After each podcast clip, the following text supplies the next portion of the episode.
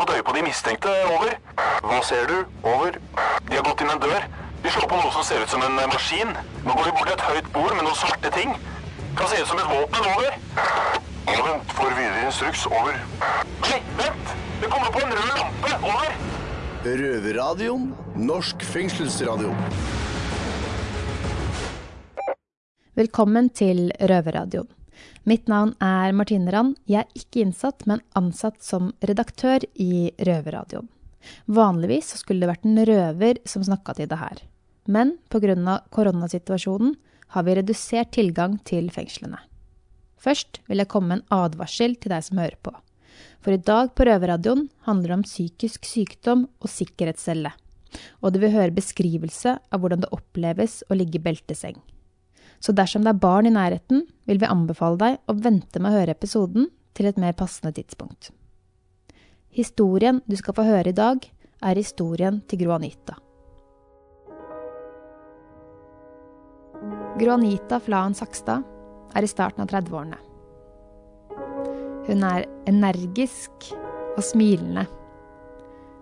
Hun er blond og spinkel, men en sånn som man kan se, er utrolig sterk. Og så har hun en stor kjærlighet for alle dyr, og et fascinerende dyretekke. Du har kanskje sett henne i programmet Petter uteligger De pårørende. Granita veiver ofte med armene mens hun prater, men hennes glade veivende armer er et bevis på hvor vanskelig livet kan være når man ikke har det bra. Arrene som dekker armene, er så mange at de ligger oppå hverandre, og har gjort huden til et ruglete mønster. Gro Anita har slitt med psykisk sykdom i mange år. Det startet med alvorlige raseriutbrudd i tolvårsalderen. Utbrudd som årlig ble verre. Da hun var 18 år, klarte Gro Anita endelig å be om hjelp. Men mens hun ventet på denne hjelpen, begynte hun å selvmedisinere seg med rusmidler. Dette utviklet seg til et alvorlig rusproblem, og hun ble en kasteball mellom institusjoner og fengsel. Innenfor murene ble rusen byttet ut med selvskading, og flere forsøk på å ta sitt eget liv. Programleder i Røverradioen Heidi sonet med Gro Anita i Bredtvet kvinnefengsel. Året er nå 2018. Det er tre år siden Gro Anita satt inne. Nå som de begge to er ute av fengsel, har Heidi et ønske om å snakke med Gro om tiden bak murene. Fra en tidligere innsatt til en annen.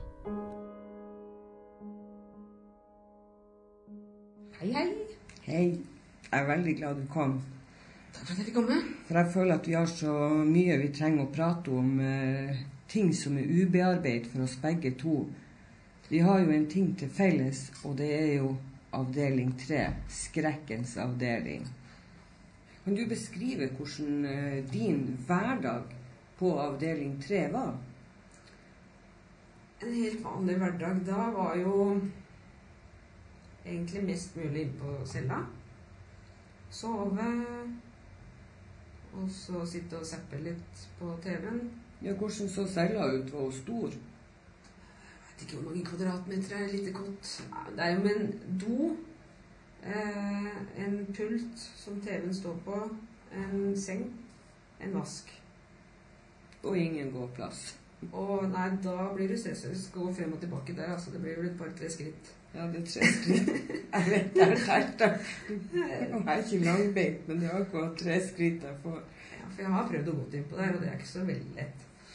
At man skal bo, men bare isolert inne på sånn i ni måneder Ja, jeg fikk lov. Um, I perioder så fikk jeg tilbud om ja, nå kan, vil du hjelpe til med mat. Og så kunne jeg komme ut, og jeg måtte alltid ha med betjent ut til kjøkkenet og sånne ting. Uh, fordi at jeg ikke skulle ta det. Alt, alt av mine saker var jo inne på det de kalte spa. Som er den der, Der de oppbevarer alle tingene til folk som er over ja, Som er, ikke det de kan hjelpe i av. Og der var jo egentlig alt mitt. Så pålegg og alt. Man har jo egentlig kjøleskap òg. Men det ble jo til tider tatt ifra meg, det også. Og i hvert fall hvis det var eh, ja, bokser som man kunne lage til ting. Og CD-er fikk jeg ikke lov til å ha inne. DVD-er. Hvis jeg lånte på biblioteket, måtte det inn på det lageret. Og så måtte jeg spørre etter det hvis jeg kunne være ute og se fem minutter på film. Jeg fikk faktisk lov en gang å sitte og se på. Det var veldig behagelig. Jeg fikk lov til å se for en hel film. Som jeg da satt og koste med meg i, i sofaen. Og så var da betjenten litt til og fra. Men uh, Jo, eh, og så har jeg da kunne kunnet få lov til å kanskje drive litt vaska, ordna kjøkkenet, maten til folk som skal ut og spise. Og så er jeg inne på cella. Eh, og så, siden jeg er isolert, så kan jeg ikke være sammen med de andre ute i luften. Og da får du ofte til svar at nei, det kan hende det ikke ble noe lufting i dag, fordi vi har ikke kapasitet. Eh, og da må du bare Altså, Du får ikke gjort noe med det. Du kan kjefte og styre og alt du vil, men eh, ut kommer du i hvert fall ikke. da. Og i hvert fall ikke hvis du må ha med deg to-tre betjenter. ikke sant? Gro, hva du følte når politiet kom og tok deg? Hvordan hadde du det da? Jeg hadde det jo veldig Jeg har jo vært ute og inne i psykiatrien. Eh, Ja. Og min store skrekk og alt mulig Ja, har man gjort noe gærent, man skal stå for det. Men det jeg sleit med inni meg, da, eh, i forhold til ting, og de traumene, angsten Alt, altså alt det gjorde så jeg ble den Gro som på en måte ble utagerende pga. jeg ikke fikk ja, prata for meg eller få, fått ut det som var inni meg. da. Jeg hadde mye dritt inni huet. Eh, og når jeg da ble tatt av politiet, overført til Bredtvet, kommer inn, eh, ført opp av politi og eh, vakter, opp på glattcella, helt strippa, det blir lagt i bakken med jerna på ryggen. Med helt strippa så mener du naken, ikke Ja. sant? Og så har de liksom løpt dem ut av glattcella, og der sitter du. Og så eh, får man da kanskje etter én dag Vanligvis så har man jo den derre 24-timersen at man liksom skal Du er ny, du kommer inn 24 timer for at du skal bli kjent. Det kommer rettigheter som de egentlig ikke gjør, men også ja, eh, Og så kan du komme ut til de andre. Men jeg kom da på den derre eh, spesiallagde cella. Eh, som da er veldig clean. Du har TV, men jeg fikk ikke lov til å ha kontrollen. Eh, stol blir tatt ut. Madrassen ligger der som uten bekledning, måtte jeg få si noe. Uten laken, noen ting. Og jeg får beskjed om at nå skal du være her. Eh, ja, dyne, pute, det måtte jeg opparbeide meg. Jeg fikk en halv tannbørste. Eh, men alt som på en måte Altså, alt innpå deg sitter fast. Bortsett fra TV-en. Og det er jo ikke for at de er redd for at uh, du skal rasere celler, det, selv om det er mange som gjør det. Mhm. Det er vel mer det at de var redd for at du skulle skade deg, fordi at uh, du er jo full i arr. Du har jo arr på arrene. Så det er ingen tvil om at du har bedrevet mye selvskading. Ja, og man blir veldig Altså det den, den historikken med meg, da, som jeg kan forstå, eh, er jo at med selvskading, det er jo alvorlig. Eh, men man blir veldig Uansett hva den fjerner, så finner man alltid en måte å selvskade seg på hvis man har den trangen. Altså, jeg har også slitt med rus. Og det er jo som en avhengighet. Man, det kommer opp at nå er det nesten på tide at du skader deg igjen, eller at du føler trangen for å skade deg fordi du kanskje har en dårlig dag. Den følelsen å skulle på en måte å gjennomføre det å kunne bare få slappe av, da, for det er det jeg får ofte vil jeg, Det er ikke for å ta livet mitt alltid jeg skader meg. Det er jo for å lette Jeg føler jeg renser meg, da, når jeg eh, åpner sår og kutter meg. Jo mer jeg blør, jo bedre er det. Da kommer på en måte Kall det gjerne demonen ut, eller det skitne ut. Og så er jeg ren inni. Eh, Men, så får du slappe av. ja, men det er jo også fordi du mister en del blod, da. Gro Anitas utagering førte til at hun ble sendt til sikkerhetsavdelingen og inn på sikkerhetscelle. Her kunne hun ligge reimet fast i en belteseng i opptil 42 timer. Er du heldig og kommer i den ene cella der nede, så er det uten belter. Da har du do i gulvet. Eh, Du får mat gjennom en luke på gulvet hvor du ikke har kontakt med betjentene. Og de har et vindu de kan titte inn i for kontroll, da, for å se om du lever. Men du ligger på gulvet. Alt er på gulvet. Og det er ikke du som kan trekke ned i do. Du har ikke lufting. Eh, ja, altså Der skal du bare være, om du er der fra én dag eller om du er der fem dager. Du får ikke lufting, du får ikke dusje. Altså Når du ligger i belter, så må du tisse i et bekken. Hvis noen holder det. Det Altså, det, det er så nedverdigende. Og når det kommer menn og kvinner altså Herregud, skal jeg ligge, ligge og pisse eh, i et bekken mens en mann står og holder det? Ikke faen! Og, så jeg holdt til meg, og jeg sa at da holder jeg meg til jeg både blir gul i øya og eh, alt, altså. For det, det der Kan jeg bare få lov til å gå på den doen? Det er så nedverdigende, vet du. At det, det, jeg klarer nesten ikke å sette ord på det, for det er så uff. Altså Til og med i psykiatrien inne på psykiatrisk så der har du til og med klær. Hvorfor får man ikke lov til å ha det i belter når du ligger eh, i fengselet? Når psykiatrien sjøl har det annerledes? Jeg skjønner ikke Det er masse jeg ikke skjønner med fengsel, altså, men eh, Så, så istedenfor å skjønne at de virkelig har med et eh, menneske som er mentalt ustabilt, og sørge for at mennesket får hjelp, så blir du altså låst ned i en kjeller og behandla som et dyr. Det er sånn jeg føler at du blir behandla der nede. Og der skal du være til du oppfører deg. Men min frustrasjon da, Hva jeg mente med å oppføre deg? Er det det at du skulle slutte å skade deg? Det er det de mener å være med oppførsel? Eller skulle de oppdra deg eh, Altså, jeg føler at det er et regime på å liksom Den prøver å oppdra meg til sånn her skal du være, ikke sånn. Da straffer vi deg, da setter vi deg der nede. Så kan du være her til du har klart å begynne å oppføre deg og komme på bedre tanker. Det er sånn jeg har det, eller sånn har jeg hatt det der, da. Og sånn jeg har fått beskjed, så kommer de kanskje innom, der, sjefen eller sånne ting. Så kommer de innom og ser ja, kanskje du kan komme opp i morgen hvis du fortsetter Jeg var jo sliten, ikke sant? Hvis du fortsetter å være sånn her. Det er ikke rart du er rolig der og der. Får fortsatt ikke ut det jeg har i huet, men velger da, fordi jeg er sliten og alt mulig, å bare svare ja, ja, ja, ja. Ikke sant? I håp om å kunne komme, men så skjer det kanskje noe, da. Og så føler jeg kanskje på den trangen at åh, for å takle dette her, så må jeg bare selvskade meg for å komme ut av eh, den vonde modusen oppi hodet, da. Og da kanskje der inne, der er det veldig lite du kan få tak i og skade deg med. Da er det å banke seg sjøl. Altså, jeg har slått meg sjøl i fjeset. Eh, Jeg har igjen løpt inn i veggen der nede. Og da kommer det mannsterke inn og bærer deg inn i beltesenga og stropper fast både reimer over brystet, hender, bein, og så ligger du der med et teppe. Og du ligger og egentlig ser rett opp i taket. Og så er det én som skal sitte der og se på deg og følge med deg mens du er der, men det gjør de heller ikke. De, han ene, han gikk Man blir jo redd når man ligger der. Selvfølgelig. Og han gikk jo. Så spurte jeg hvor er det du skal. Nei, jeg skal bare inn på kontoret, og det er helt nederst i gangen igjen der nede. Eh, beltesenga ligger helt i andre enden. Og så sier jeg men du kan ikke gå, du skal jo være her. Ja, men jeg hører hvis det skjer noe. Det er ikke lov. De hører jo ikke om jeg får et hjerteinfarkt, f.eks. Du får jo så Men hvis du kaster opp, skulle du kveles i ditt eget Ja. oppkast? For du får ikke vridd det. Så, og den ene gangen var det sånn at han ene kom inn, og han var jeg litt irritert på.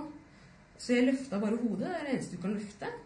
Mm. Og han sa Nei, så sa jeg hva er det du skal for noe? Og så bare gikk han ut, og så sier jeg Nei, så sa han legg ned hodet. Så sier jeg hva er det du skal gjøre for noe da? Skal du ta kvern meg, da? Så, sa jeg. Så ble han sinna, så tok han huet mitt bak og tok tak i halsen. Tok det bakover i senga, og der ble jeg liggende. Og så gikk han ut igjen. Så han tok fysisk tak rundt her på strupen eller på, i halsen og la meg ned. Hva er det jeg kan gjøre som er gærent da ved å løfte hodet? Han kunne, hva er det han egentlig skulle? Han sa jo ingenting, han gjorde jo ingenting. Han skulle bare Han var der i maks ti sekunder. Hvordan føltes det å ligge sånn, og da i tillegg når du er reima ikke kan røre deg, og så da blir pressa ned hodet? Nei, altså man Det måtte jo ha trigga angsten. Ja, ja, man, blir, man er jo redd. Og det er min måte altså det, Sånn som jeg reagerte på han, det er jo Du har jo flere eh, typer i forhold til eh, om man blir eh, passivisert i angsten, eller om man får litt sånn frykt, aggresjon altså, Jeg er jo en som på en måte står i det, selv om jeg på en måte veit at jeg kan tape. da. Så jeg flykter jo ikke Der får man ikke flykte heller, men flykter ikke i gåsetegn med halen mellom beina. Så jeg fighter jo det jeg kan. Men ja, jeg har ligget mye der aleine og grinet i beltesenga. Jeg har sett ting som beveger seg. Både i vifter og alt mulig oppi taket. Og veit jeg også har spurt. Nå ser jeg sånn her er det, er det normalt at den har den fargen? alt sånne ting. da. Så, og får liksom bare at det går fint. Så man får ikke så mye svar der nede. Gro Anitas behandling på Bredtvet i perioden 2013 til 2015 gjorde at hun kort tid etter praten med røver Heidi tok kontakt med Advokatforeningens isolasjonsgruppe.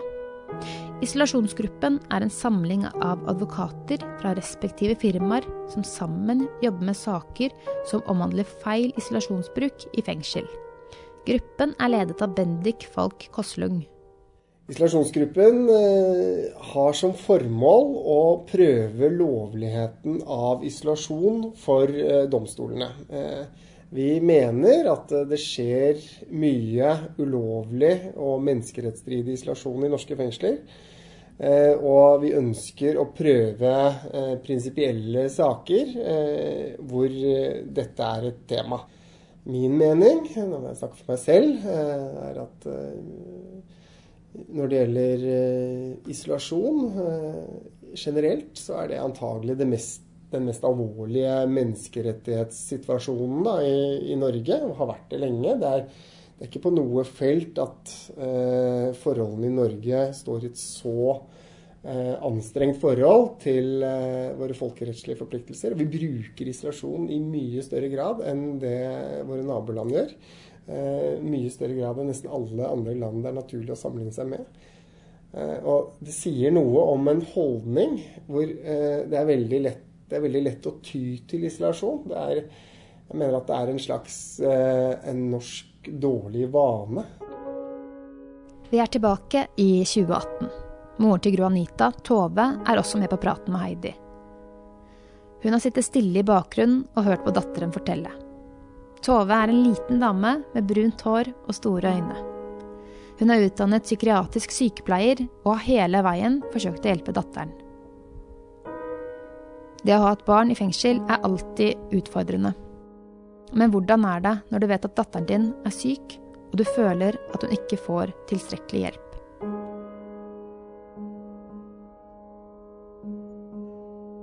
Hvordan opplevde du møtet med Bredtvet fengsel? Var de en god samarbeidspartner rundt Gro Anita for å forbedre hennes psykiske helse. Eh, brukte de familien som en ressurs? Kan du fortelle litt om de her tingene til meg? Nei, det er uh, første gangen Gro Anita kom inn. Det er alltid trist å få at dattera di kommer i fengsel. og skummelt. Og føler jo det at det er, viktig, veldig viktig åssen vi blir møtt, ikke sant? Sånn her i forhold til det. Og Granita da var hun inne og ble, ble møtt på en ålreit måte den gangen. Og kom over på, ganske fort på B2. Og vi, der ble vi òg møtt. Og, og, jeg sa til dem òg at det, nå er det viktig å jobbe innenfra og ut, sånn at det kanskje hun kommer seg ut av dette her nå. Men da fikk vi jo beskjed om at det egentlig var for kort soning den gangen der, da. Men så etter hvert så kom jeg jo ut igjen og og har vært inne flere ganger. Og så er det nå Den tristeste tida er nå når det er blitt de ni månedene satt, uh, satt isolert, fordi at det da var hun så sjukest syk når hun kom inn. Og, og da må jeg si at det da um, Hun ble jo sjukere og sjukere på de ni månedene. Og vi vi eh, prøvde jo. Vi ringte og ringte og ringte, for vi var kjemperedde for henne. Vi fikk prate med hver tirsdag. Da hadde hun 20 minutter ringing til oss. Og vi var hos henne én time hver torsdag, både Svein og jeg. Eh, vi reiste inn, hadde den besøkstida fast hele tida. Og, og, det er så store endringer ifra når Gro Anita var friskere når hun var i fengsel, og til denne gangen når hun ble, var så sjuk. Vi følte at eh, Nå ble vi på en måte Vi følte at vi maste altfor mye. Vi ringte, og, og da tok de Og ville de ofte ikke prate med oss, da.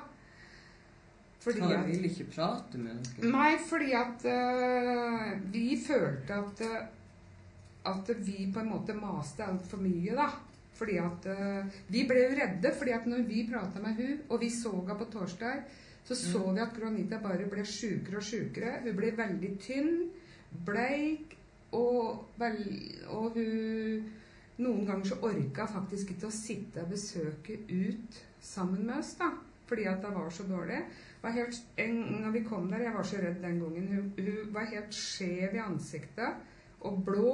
Og jeg, bare, jeg vet jeg spurte henne, så sa jeg hva er det som har skjedd med deg? Jeg var jo livredd for at det var noe som hadde skjedd inni der. Men Gronita sa sjøl at denne, jeg har banka, jeg har Jeg prøver, jeg har det så vondt.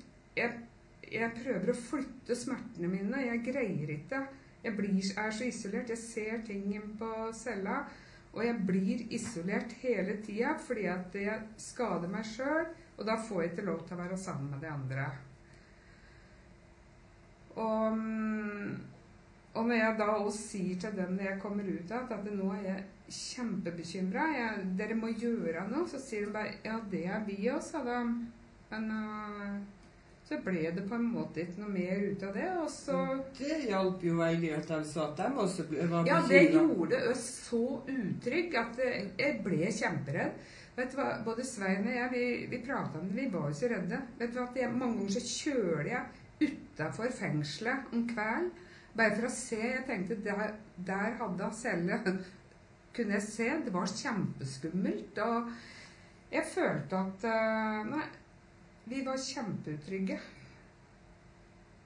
Jeg ringte inn mange ganger og så sa at er det ikke mulig, nå må de jobbe innenfra og ut. Og sa, nei, så var det for lang soning, så var det for kort soning, så var det Så sa jeg at men sånn som er nå, nå er hun jo kjempesjuk, hun trenger jo hjelp. Dere må jo Hvis det er at dere ikke greier det her, så må jo faktisk hun hun, hun trenger jo det, hjelp i forhold til sin psykiatri.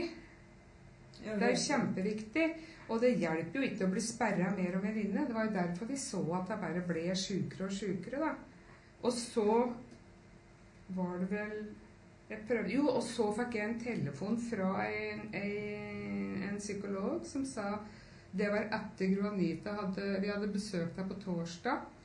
Og da ringte hun til meg og så sier hun, vet du hva Det er dere som gjør Gro Anita sjuk inne i fengselet her, sa hun til meg. Og jeg kjente at vet du hva, at jeg ble så utrygg hele og, og, ni måneder, det var så lenge.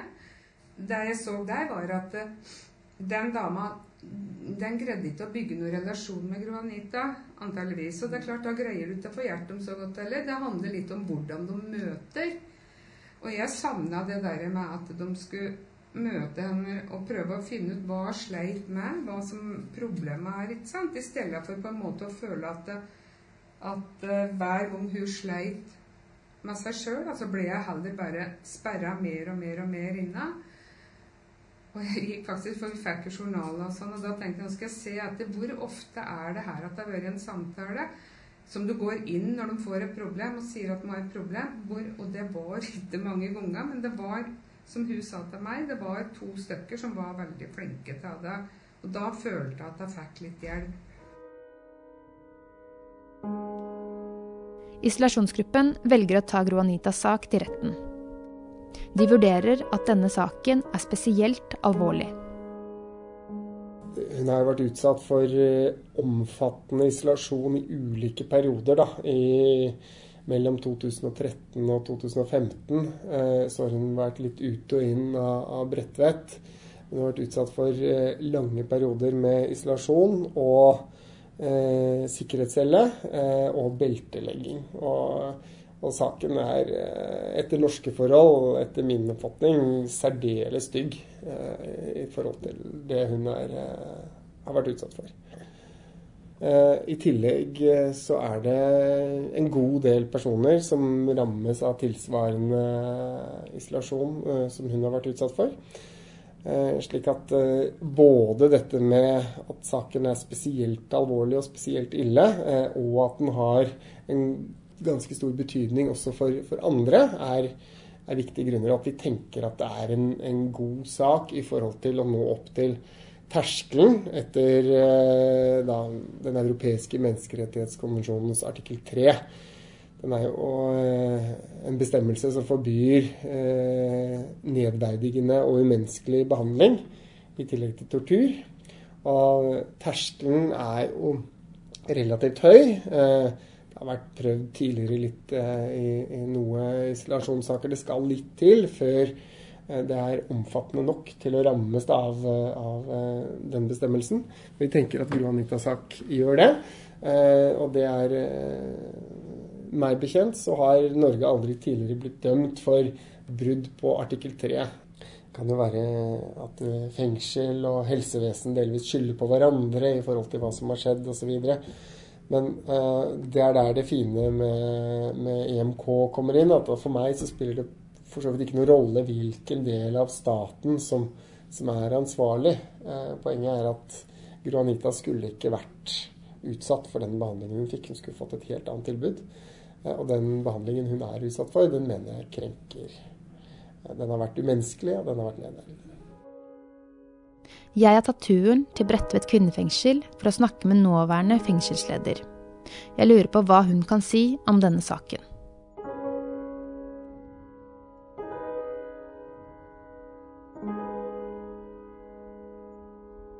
Jeg kan ikke kommentere den saken. Eh, jeg kan snakke generelt om, eh, om innsatte som kommer inn til oss som er psykisk syke eller som er selvmordsnære. Men jeg kan ikke snakke om eh, enkeltsaker. Mm. Eh, mitt navn er Doris Bakken, og jeg er fengselsleder på Bredtvet fengsel. Hva slags ressurser har dere for å ta imot de som er alvorlig psykisk syke? Vi har egentlig ikke noen spesielle ressurser for å ta imot alvorlig psykisk syke. Vi, har, eh, vi tar imot alle på samme måte.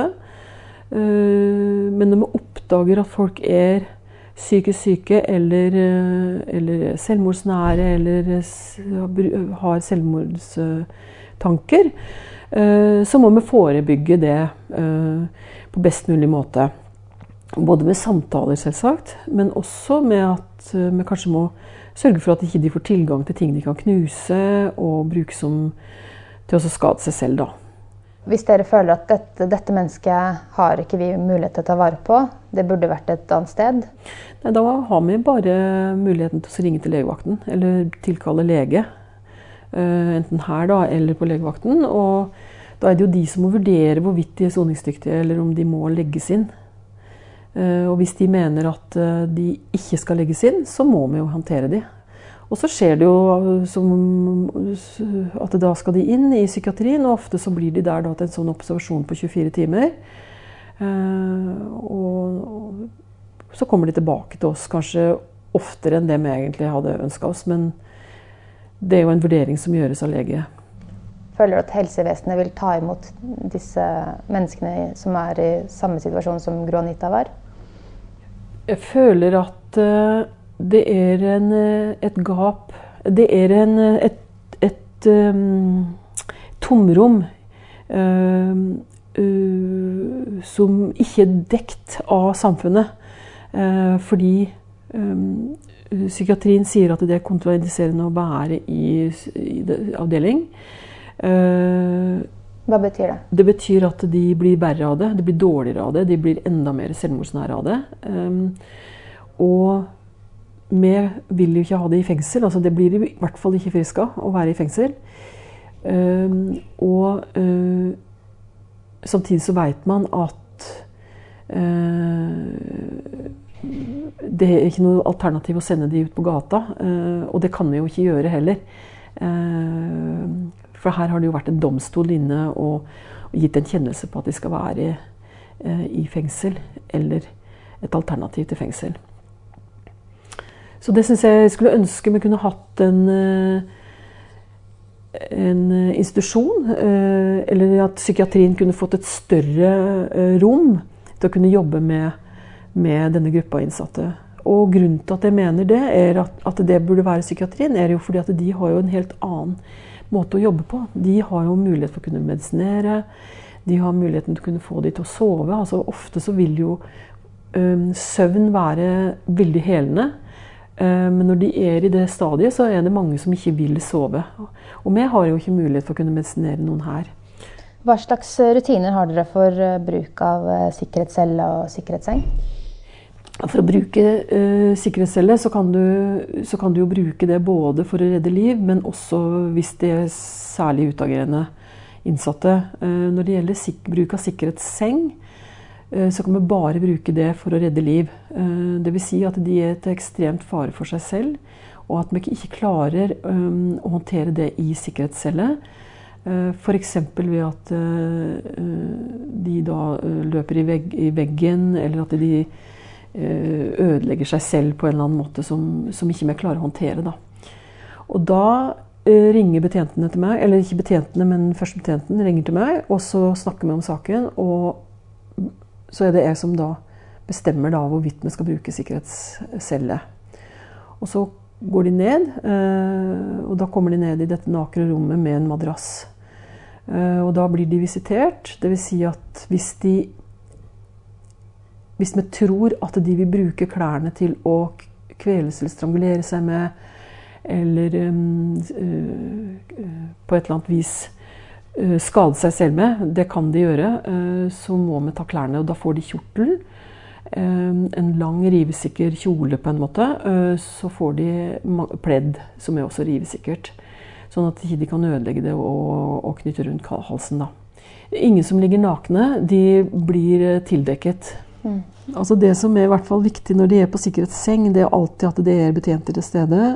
Det er alltid to i avdelingen. Eh, det er viktig å passe på eh, at de har trygghet. Det er noen der som kan snakke med dem. Eh, bare være der for dem. Og at hvis de blir syke, så må man passe på at de ikke kaster opp. For det er farlig. Og det er alltid legevakt. Eh, og at det alltid er eh, kvinnelige betjenter som står for visiteringen. Eh, hvis du skal på toalettet, så får du bekken. Og da holdes det av kvinnelig betjent. Det er jo akkurat som når du er på sykehus. Så føles ikke det noe Det føles nedverdigende uansett om du er på sykehus eller på fengsel, men kanskje enda mer fordi du er tvunget inn i en situasjon du er. Selvsagt. Og det er det selvsagt alltid kvinner som uh, gjør. Men uh, du har jo nydelig skrevet en kronikk sammen med fengselsleder i Oslo fengsel, Nils Lail Finstad. Mm. Uh, og der sier dere at dere vil ha sikkerhetsseng ut av fengsel. Vi sier at vi ønsker ikke å ha sikkerhetsseng i fengsel, men det må komme et alternativ. Fordi sånn som det er per i dag, så har ikke vi noen alternativer i de sakene hvor vi ikke klarer å håndtere de innsatte. Og hvis ikke vi hadde hatt den senga, så, um, så kunne det hende at vedkommende faktisk ville dø. Men uh, hvorfor mener dere at uh, sikkerhetsseng ikke burde være i fengsel? Vi mener at uh, når du kommer dit hen at du trenger sikkerhetsseng, så burde du ikke være i fengsel, da burde du ut i psykiatrien. Og jeg mener at det må bygges opp eller rustes opp et tiltak for mennesker som har kommet i den situasjonen, som, som gjør at de trenger noe helt annet enn å bli bundet fast i en seng. Og de trenger noe helt annet enn å, å være i fengsel i seg selv. Mm. Gro Anitas sak ender aldri i rettssak. Fredag 8. mai 2020 blir saken tatt opp i et forliksmøte. Resultatet er historisk. I rettsforliket erkjenner staten at EMK artikkel 3 er krenket overfor saksøker Gro Anita. Fem år etter at hun ble beltet fast fordi hun var psykisk syk, er Gro Anitas kamp om å bli hørt og trodd over.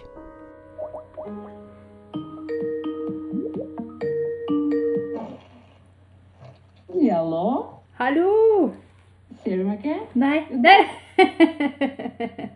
Eh, først så må jeg si gratulerer. Takk. Åh, herregud, ja. Det, det, er litt spesielt. Jeg har ikke helt landa ennå, men det, sånn er det. Det går ikke an å beskrive helt. Men jeg tror jeg er på riktig vei nedover nå, på en måte. Men i riktig retning, da, for å kalle det det. Fra en rosa ski. Jeg syns det er så vanskelig, for jeg har levd på en sånn rar uh, sus og dus. vet du. Ja, Men uh, det var uh, 6. 6. mai at du fikk beskjeden, stemmer det? 8. mai. 8. mai. Satt vi rettsmekling. Jeg kan ikke du forklare hva du husker fra den, eller beskrive hva du husker fra den dagen? Ja, 8. mai, da var det Det er på å si frigjøringsdagen, det var det òg, men det ble også en merkedag for meg. Um, jeg må sette meg ordentlig. Uh, 8. mai, det var jo da det blitt uh, satt av en hel dag uh, i, som en vanlig rettssak. det var jo regjeringsadvokaten og, og justis som var der. og det jeg fikk litt sjokk av, da, var at allerede innledningsvis så la de seg på en måte på ryggen. Altså, det, det, jeg fikk litt sånn Vi skulle gå til hvert vårt møterom etterpå, på en måte. Men uh, så begynte jeg å lure på rettsmekling. Hvor, hvor, hvor er, hva er det vi skal mekle om? For nå har de plutselig erkjent alt. Uh, nå var det mer formalitetene det sto på. De har jo nå sagt det som det er. så jeg er veldig glad for å bli trodd. Hva, hva var det hva på en måte er det, Når du sier at de har sagt det som det er, hva betyr det? Nei, at det nå De har liksom I de forrige møtene og sånne ting jeg har hatt litt eh, sånn uh, dialog med dem, så har de jo på en måte Nei, men det er ikke det, og det er ikke det, og Men da har de ikke hatt alle papirene i forhold til beltelegging, isolasjonen, hvorfor man har vært isolert, uh, og åssen dette her skal foregå. For det er jo det som er problemet.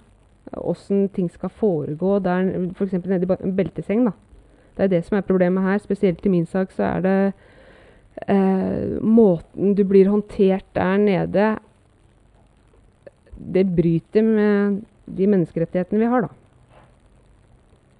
Så Hvem var det som var med deg på fredag, du fikk dommen? Det var da mamma og advokaten. Husker du hva da, moren din sa da? Etter det var ferdig? Å, jeg må ha et bilde av dere foran her. det sa jeg i hvert fall. Ja, men det gjorde hun. Og det er jeg veldig glad for at jeg gjorde også, for det var jo eh, var jo en veldig spesiell dag. Eh, og, men var, alle gikk litt rundt i sin boble og ikke skjønte noe. Man tenker jo at når du i møte med et system, så kommer du til å møte ganske mye motstand, for det har jeg allerede gjort.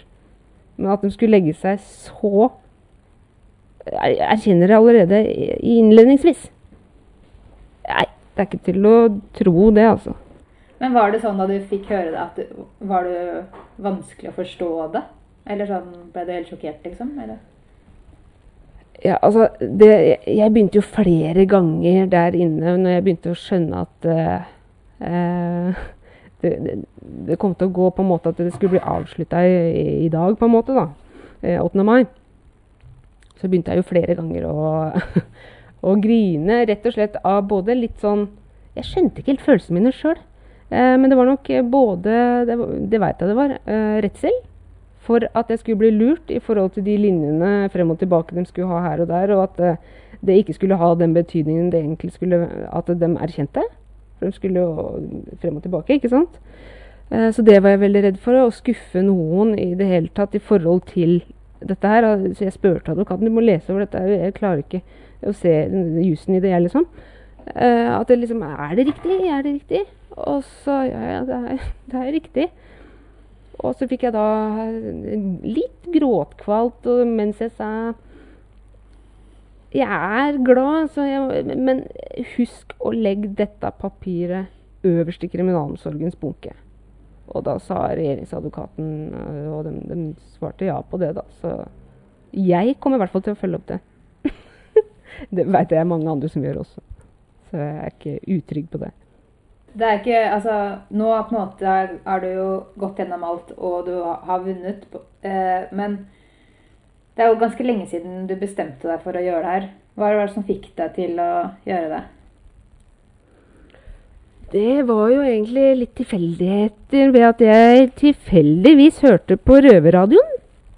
Eh, der var da min eh, advokat som jeg fikk gjennom isolasjonsgruppen, Advokatforeningens isolasjonsgruppe, Bendik. Og der startet det. Så eh, Røverradioen har liksom vært inngangsporten til dette her. Og det er jo da den bare viser Se hva liksom de, de som De, jeg vil også si, jeg sier fortsatt litt sånn oss i gåsetegn, men altså stemmene på innsiden som ellers på en måte blir borte, blir veldig en sterk og tydelig og klar stemme. Og bare se hva som har skjedd nå. Eh, noe klarere stemme enn dette kan man ikke eh, få fra innsiden, vel. Det er for en vanskelig del av livet ditt, og, det, og du har på en måte eh, ikke blitt trodd av systemet før. Så hvordan klarte du å finne motet til å ta denne kampen? jeg, jeg, har jo på en måte enten om jeg sitter i varetekt eller om jeg liksom blir tatt for noe altså Jeg har sagt, jeg har stått for mitt og gjøre opp for meg, og jeg skal ikke bli straffa. Dobbeltstraff er jo også ulovlig i Norge. Så eh, når du kommer inn for å gjøre deg ferdig med det du på en måte har eh, blitt dømt for, da, så skal du bli, skal bli behandla deretter, og deretter få den eh, Altså du skal bli eh, rehabilitert Eh, ikke ødelagt, og i hvert fall ikke komme sykere ut av et fengsel eh, som omhandler da omsorg og liksom bli en god nabo og alt dette. Skal ikke komme sykere eller syk ut av et fengsel. Eh, du kan komme inn frisk og komme ut syk. Det blir bare helt eh, Nei, det går ikke an, altså. Så nei. Men hvordan går det med deg i dag, da? Det går mye bedre med meg i dag. Det gjør det jo. Men sliter, i forhold til psyken så sliter jeg jo. Det gjør jeg. Jeg kan ikke putte det under en stol. Og det, eh, I forhold til PTSD-diagnosen jeg har fått og sånne ting i ettertid. Eh, men jeg velger liksom at, eh, å ikke tenke på Jeg blir gal hvis jeg skal tenke at det er noe jeg skal ha resten av mitt liv, f.eks. Det kan ikke jeg tenke på. Jeg må ta være såpass uh, impulsiv som jeg har vært før. Jeg har bare tenkt at jeg tar en dag fortsatt om gangen, og bare tar det deretter. Men du har i hvert fall holdt deg helt krimfri og sånt. Det er jo dritbra. Ja, det har jeg, og jeg har kutta med miljø og kjøpt hus og Hoppa helt dit jeg nå, da, men uh, kom jeg på plutselig at jeg hadde kjøpt hus. Så ja, det, det, er masse som har skjedd, vet du. Det er jo helt vilt, egentlig. Uh, så jeg har ingenting å klage på der, jeg, altså. Har du kort, uh, du, har du et kort råd uh, du vil gi til innsatte? Det blir vel eh, eventuelt bare å si at stå på krava. Og ha, altså det, det viktigste er å ha troa på seg sjøl. For har du troa på deg sjøl, så kan du komme langt. Og blir det begått urett mot en, det er ikke riktig. Klag og stå i det. Det kommer til å ordne seg til slutt.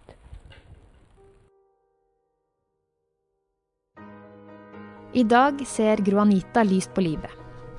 I et lite brunt hus på en topp med et hytteaktig gjerde omkranset av store, grønne jorder, har Gro Anita planer om å starte en liten kennel. Hun er allerede i gang med å hjelpe andre tidligere innsatte som har opplevd lignende behandling i fengsel. For mange innsatte vil hun være fengselsverdenens svar på David mot Goliat. Et eksempel på at det nytter å si fra, og et bevis på at man fortjener å bli hørt og behandlet med respekt, uansett om man er i eller utenfor fengsel.